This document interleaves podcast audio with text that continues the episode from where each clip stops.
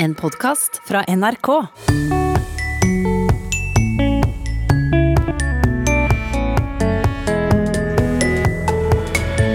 De tradisjonsrike nekrologtekstene er i endring. Derfor får et helt vanlig menneske som Mathilde en nekrolog i Aftenposten. Og Mathilde da, hun, hun stilte jo langt bak startstreken når eh, startskuddet gikk for dette løpet vi, vi, vi kaller livet. Det er en livsprestasjon som eh, fortjener eh, heder. Og blir det feil når romanfigurer fra middelalderen prater om timer, minutter og sekunder? Det var vel ikke klokka som styrte tida dems? Måling av sekund blir ikke aktuelt før sent på 1500-tallet, og da er det jo kun bare for de spesielt interesserte, for sekundet har jo ikke noen praktisk betydning. Først i Språkteigen i dag så skal vi til en språklig øvelse ikke alle har så mye erfaring i å utøve, men det leses av mange med stor interesse og enda større interesse de siste månedene. Og hva er det vi skal fram til, Knut Knutsen Eigeland? Vi skal snakke om nekrologen, som jo er et minneord eller en tekst publisert i for eksempel en avis om en person som er død. Og etter at koronapandemien stengte ned Norge i mars, skjedde det noe med nekrologen.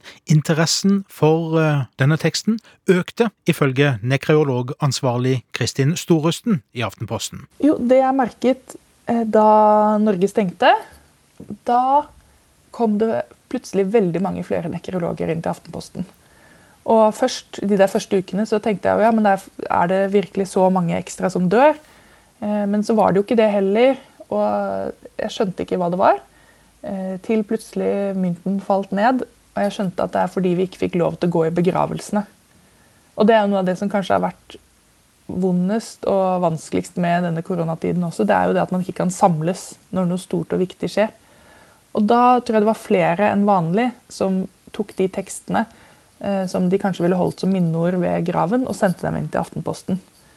Så det var jo et luksusproblem. Det ble en del jobb. Det sier Kristin Storusten, som vi òg skal høre mer til. For nekrologen er i endring.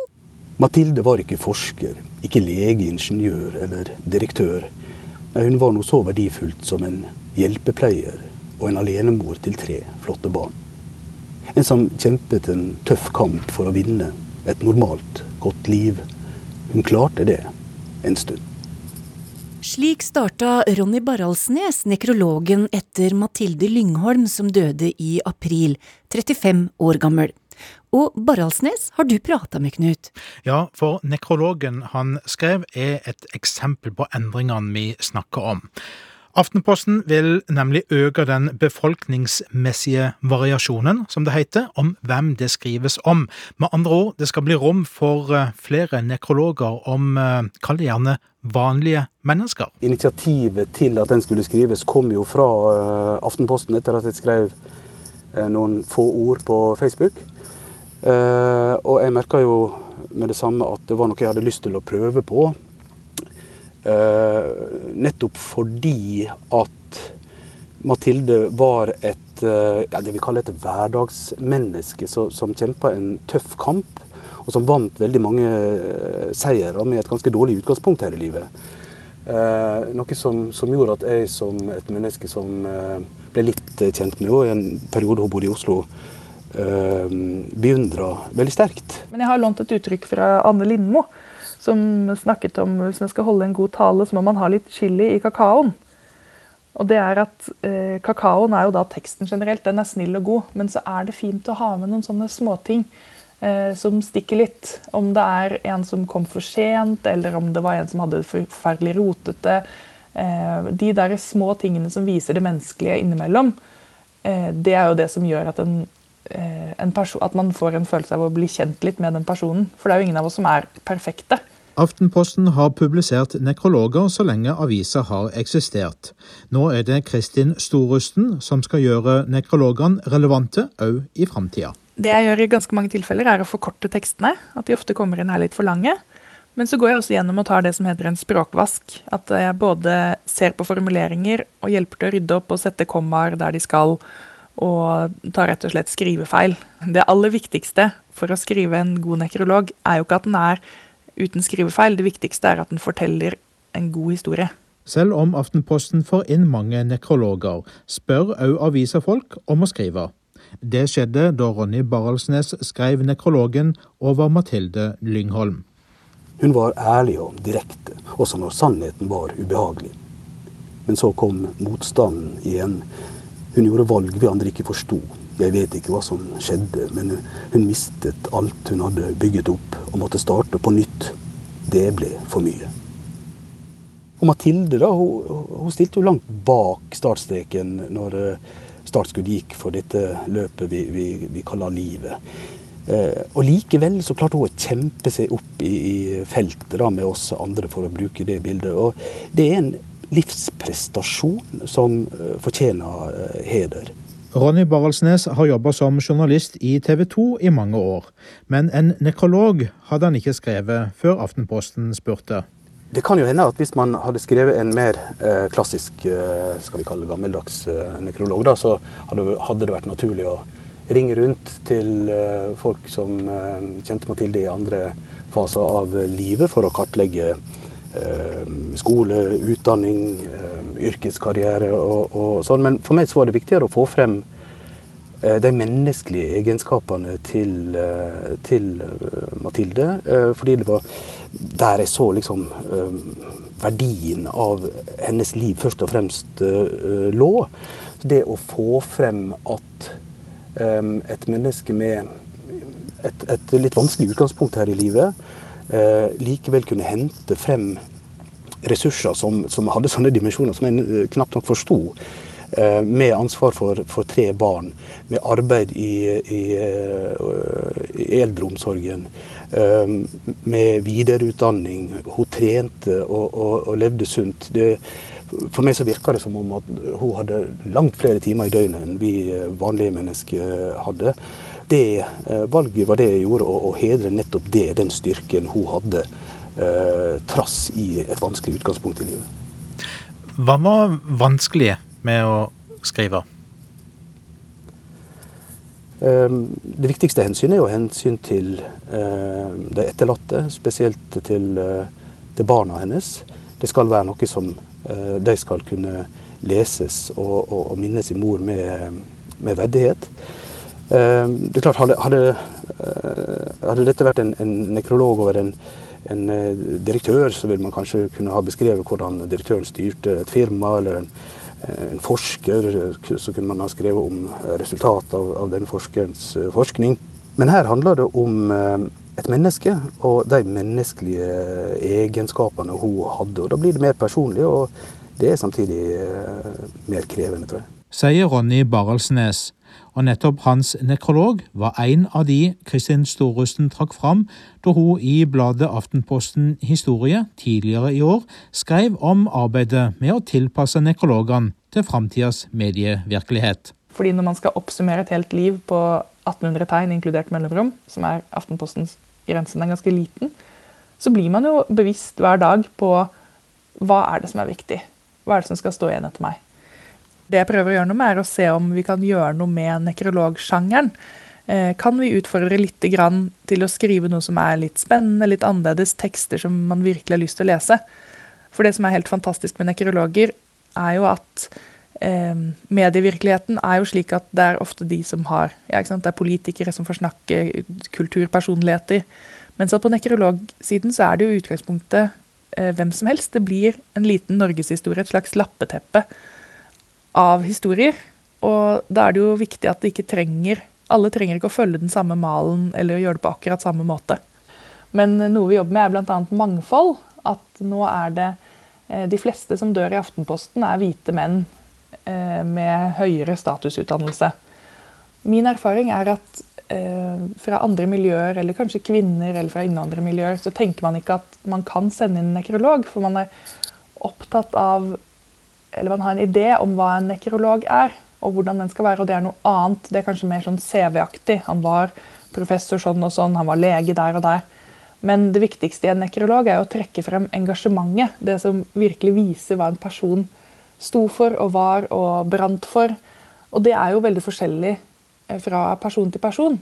Så Derfor er det ikke i utgangspunktet noen standard oppskrift på hvordan en nekrolog skal formuleres eller skrives, men at vi prøver å jobbe frem språket på en god måte. Mm. Og det har du på en måte begynt eh, med? Ja, Aftenposten har jobbet med nekrologene en stund, men nå er vi da aktivt ute og prøver å gjøre nekrologene bedre. Det er også at vi jobber med hvordan vi kan, eh, hvordan vi kan bruke nekrologene i Nettavisen. Fordi som sagt så er det, det er mange som slår opp i papiravisen først på nekrologene.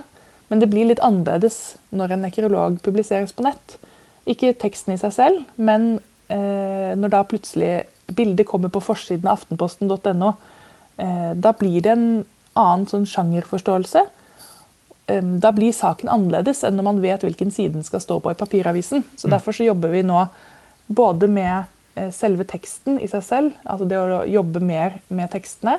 Det å jobbe med hvem er det vi får inn tekster fra, at jeg tar kontakt med forskjellige miljøer og sier fra at det er en mulighet for å skrive nekrologer. Og digitaliseringen Eh, det blir som et slags kinderegg av eh, ting vi må se på samtidig for å løfte denne sjangeren. Og da håper jeg jo at når de gjenspeiler oss på en bedre måte, altså med representasjon og med hvilke, altså hvilke historier som blir fortalt, så kan det faktisk være en sentral del av det vi får i media. Fordi vi trenger vanlige folk. Vi trenger å høre om eh, de vi kan identifisere oss med og bli inspirert av. Nå har det gått over et halvt år siden Aftenposten publiserte nekrologen Ronny Barelsnes skrev om Mathilde Lyngholm. Hun virket så sterk. Hun kunne ha oppnådd så mye om verden hadde vært litt vennligere. Også for dem som står litt lenger bak når starten går for dette løpet vi kaller livet. Jeg fikk masse mail og telefoner og meldinger fra uh, fremmede. Uh, noen av dem som av ulike, uh, i ulike sammenhenger kjente til Mathilde eller bare hadde møtt henne kanskje en gang eller to. også fra, fra folk som ikke hadde noe forhold til henne, eller til meg for den del, fra før. Som bare syntes det var fint og ville si fra om det. Det kan nok forklares med at den skilles litt ut. At den at den er annerledes i forhold til, eh, til slik vi er vant til å lese nekrologer. Det sa Ronny Baralsnes, og reporter var Knut Knutsen Eigeland.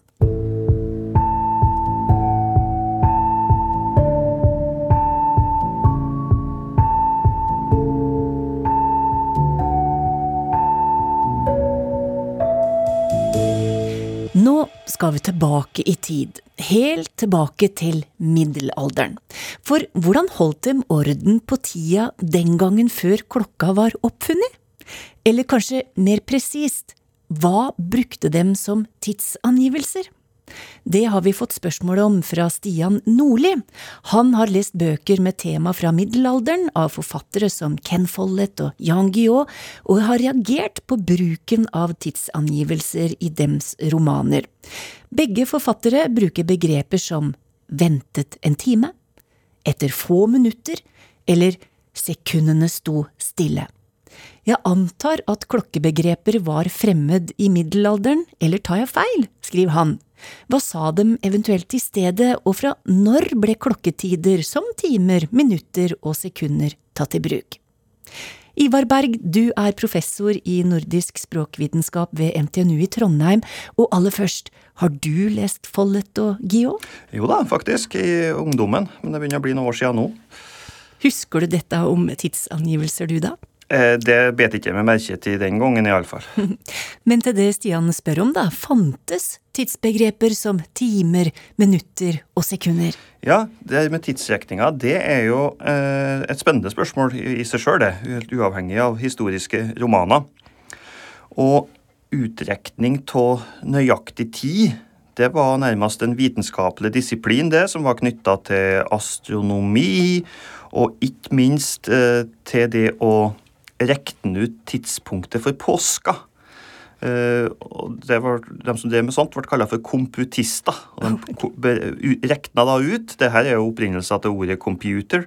Mm. Uh, rekna ut når påska kom, og da måtte de ha nøyaktige tidsinndelinger. Så det fantes altså, rett og slett? Det fantes som vitenskapelig litteratur eh, i mellomalderen. Og det ble også overført eh, til, den, til, Norden. Og det finnes en del bevarte arbeid fra Island på norrønt fra, fra 1200-tallet og der omkring. Eh, som bygger på de latinske modellene og diskuterer hvordan du kan dele inn året og dagen. og helt ned i ganske små enheter, faktisk. Ja, det her med sekunder, da fantes det noe så lite, da? Jau da. Eh, de opererer jo med 24 timer i et døgn. Og så eh, I denne teoretiske litteraturen da, så finnes det òg mindre inndelinger uh, nedover i litt ulike størrelser. Den minste enheten som jeg har greid å finne i den norrøne litteraturen, har navnet kalkos. Det er jo lånt fra latin, naturligvis, og så vidt jeg kunne regne ut, så svarer det til litt over 300 deler. Yes. Men det her har jo naturligvis ikke noe, noe praktisk betydning. Her snakker vi også om, om teoretisk, eh, teoretisk utrekning. Så før du fikk sånn moderne, mer moderne mekaniske urverk, så kunne ikke sånn fininndeling av tida ha noe praktisk rolle. Nei, for sjøl om tidsbegrepa fantes, så hadde vi ingen klokker eller datamaskiner for den slags skyld. Så hva var det som styrte tida vår i hverdagen da? Det som styrer arbeidsdagen og arbeidsrytmen og livet, det er jo sola, gjøstaden, det er arbeidet, og det er måltida. Mm. Og det er jo der du har nemninga for, som kan brukes til å dele inn tida. Mm. Og et, et sånn viktig, en viktig tidsenhet som eh, har levd videre i språket til i dag, det er jo det som ble kalla for på gammelnorsk øykt, som vi finner igjen i moderne norsk økt. Og det var teknisk sett definert som et åttendels døgn. Altså det blir tre timer, det. Hm. Og nå bruker vi jo ei økt om arbeidstida mellom to måltid eller to pauser. Og hvis vi og, da, og tre team, det er jo sånn ei passe økt. Ja. Da må vi ete at. Da må vi ete igjen. Iallfall hvile oss. Ja. Og i en, del kilder så opererer de med egne navn for de her ulike øktene. Det er noe av det er jo ganske sånn uh, sjølsagte ting som morgen eller høgdag, altså når sola står høgst. Uh, og, og, natt, naturlig nok. Mm. Men så har vi òg noe artige nemninger der som har levd videre i en del dialekter. er ettermiddagsøkt det var, hadde navnet undorn. Og i en del dialekter så finnes det ennå med uttaleformer som undon eller ønden. Jeg husker jo fra der jeg vokste opp at vi snakka om duggul. Ja, duggul opp eh, fra dagvær, altså morgosmat. Det er morgosmåltider. Eh, og en del sånne eksempel på hvordan du kunne fastsette de her tidspunktene på, så ha et referansepunkt, det er jo det at du finner at de her eh, måltidsnemningene i, i stadnavn, særlig i fjellnavn. Der har vi sånne eksempler som eh, Åndosfjellet, altså etter det her Undorn som er nevnt, ja. og Duggursfjellet, mange steder i landa. Og Da er utgangspunktet det at fra den plassen der de har sett navnet, så sto sola over de her fjellene på det tidspunktet, sånn at en kunne ha et felles referansepunkt. Jeg har hørt om Nonsfjellet. Har det noe med dette å gjøre, eller? Ja, det er jo samme typen, altså fjell som har navn etter at sola står over der ved Non. Og det, her, det har en opprinnelse i en annen tidsrekning, nemlig den katolske kirkelige tidsrekninga, der de har de ulike tiebønnene gjennom dagen. Ja. Og non, det kommer fra nona åra på latin, den niende timen. Og da er det regna fra en sånn stipulert soloppgang klokka seks, og noen det er da i, på ettermiddagen sånn i tritiden. Og det her er den eneste sånn av den her klassiske kirkelige eh, tiden som har kommet inn i allmennspråket. Og det kan nok ha å gjøre fordi at det var viktig, for ved store høgtider så begynte halja ved noen dagen før. Det var noen halj. Mm. Og så sa du til meg at ordet time det fantes allerede i middelalderen. Selve ordet time fantes, ja. Og det er, et gammelt ord. Altså en 24-del av et døgn så brukes i norrøn litteratur litt forskjellige ord, og det viser jo kanskje òg at det ikke har vært noe så eh, fast definert. Du bruker, og alle de ordene har levd videre til i dag. Eh, ordet time har levd videre til i dag og, og, brukes nå om en klokketime. Legg merke til at ordet klokketime tyder jo på at timen òg kan brukes mer generelt, ja. som om mer ubestemt tid. Eh, Anna ord som blir bruka i norrønt for en 24 et 24-dels døgn, det er tid, det helt generelle ordet, som i dag brukes i dag, tid, og stund, altså i moderne norsk stund, som om et mer ubestemt tidsrom. Og det at de har denne vekslende ordbruken, det tyder nok også på at ordet, og at ordet samtidig også kan ha et helt generelt innhold, både i norrønt og moderne norsk. Det viser nok også at, eh, at klokketimen da, ikke har vært noe viktig eh, enhet i dagligliv tidligere. Men når vi snakker om klokker, Ivar, når var det aktuelt? Når kom de første klokkene eh, til, til, oss, da? Eh, det, de kjeldene jeg har sjekka, opererer med at eh, du får eh, sånn uh, offentlige eller klokketårn og sånt i byom fra på 1400-tallet, kanskje. Så tar det enda litt tid. Sekund, måling av sekund blir ikke aktuelt før sent på 1500-tallet, og da er det jo kun bare for de spesielt interesserte, for sekundet har jo ikke noen praktisk betydning. Det sa Ivar Berg, som er professor i nordisk språkvitenskap.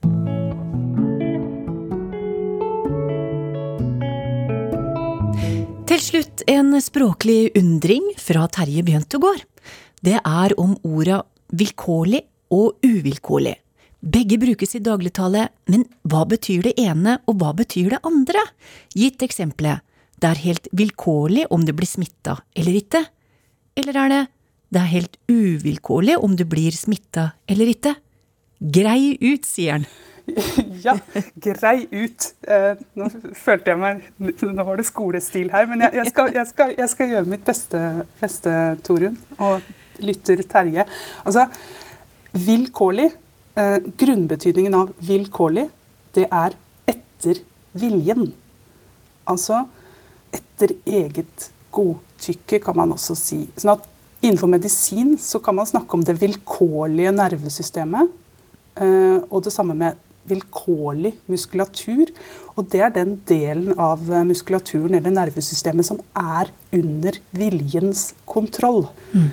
Og så er det sånn at når noen med stor makt, det kan være en hersker eller selve skjebnen, gjør noe bare etter viljen. Og da blir det jo noe som, som utføres heller med vilje enn med sunn fornuft eller etter regler, så, så, kan jo disse handlingene virke tilfeldige, ubegrunnede og urettferdige sett fra den som opplever konsekvensene av noe som er villet av noen andre. Eh, vi kan se for oss en eneveldig konge som skriver ut vilkårlige skatter. Eh, og da er det etter egen vilje, og, og, kongen tenker ikke på rettferdighet. Og, og, da kan denne beskatningen virke helt uforståelig for dem den angår. Og da kan vi eh, spasere videre og forstå bedre at ordet 'vilkårlig' også har fått en betydning tilfeldig. Mm. Mm. Og det er de tilfellene der hvor det ikke er noen egentlig vilje med i bildet, hvis man ikke tilskriver hendelsene en gud, f.eks. Så sykdommen rammer vilkårlig. Eller som, som Terje Bjøntegård skriver her, det er vilkårlig om du blir smittet eller ikke. Vil, vil jo være et eksempel på denne uh, tilfeldighetsbetydningen. Eh, og så vil jeg vel skyte inn her at det er ikke tilfeldig om du blir smittet. Hold avstand. Vask hender. Bruk munnbind. Ja, ja. Fikk du sagt det, ja. ja jeg, jeg, må nesten si det her. Eh, og så har du denne situasjonen da at du har et ord som har fått en betydning som er motsatt. I tillegg til den opprinnelige. Mm. Altså etter viljen eller noe tilfeldig. Og så har man da irriterende nok et annet ord, uvilkårlig, eh, som brukes på lignende måte. Eh, altså om det som ikke er viljestyrt og dermed tilfeldig. Fordi uvilkårlig er jo da logisk sett ikke bundet av noens vilkår. Eh, så det som er uvilkårlig, er jo da enda mer automatisk, eller en, nærmest en refleks som inntreffer før bevisstheten og viljen slår inn, ja. Eh, så å si. Men det virker som om det å ramme vilkårlig er eh, en frase som er brukt mer enn det å ramme uvilkårlig. Så, så det er en liten nyanseforskjell i bruk her. Men lytteren vår har helt rett. Altså, her er det to ord som på sett og vis eh, nå eh, kan brukes på nøyaktig samme måte, mens det ene av dem også har en annen betydning. Vi må, som så mange ganger før, gå inn i selve sammenhengen for å forstå at et vilkårlig nervesystem ikke er tilfeldig. Så nok en gang ord som bør brukes med litt forsiktighet? Ja Jeg tror at den tilfeldige betydningen av vilkårlig har nok i mange tilfeller tapt et slag nettopp mot ordet tilfeldig. Og jeg lurer på om ikke det var om det var Språkrådet som skrev om dette her en gang, og også hadde sett på en utvikling av frasen 'vilkårlig tall' satt opp mot 'tilfeldig tall'. Mm. Og der hadde det skjedd en endring. Eh, så nå, nå, nå, ber man folk om å velge et tilfeldig tall og ikke et vilkårlig tall. Mm. Oftere enn eh, det motsatte. Det sa Toril Oppsal, og dette var det. Språkteigen er tilbake om ei uke. Ha det riktig bra.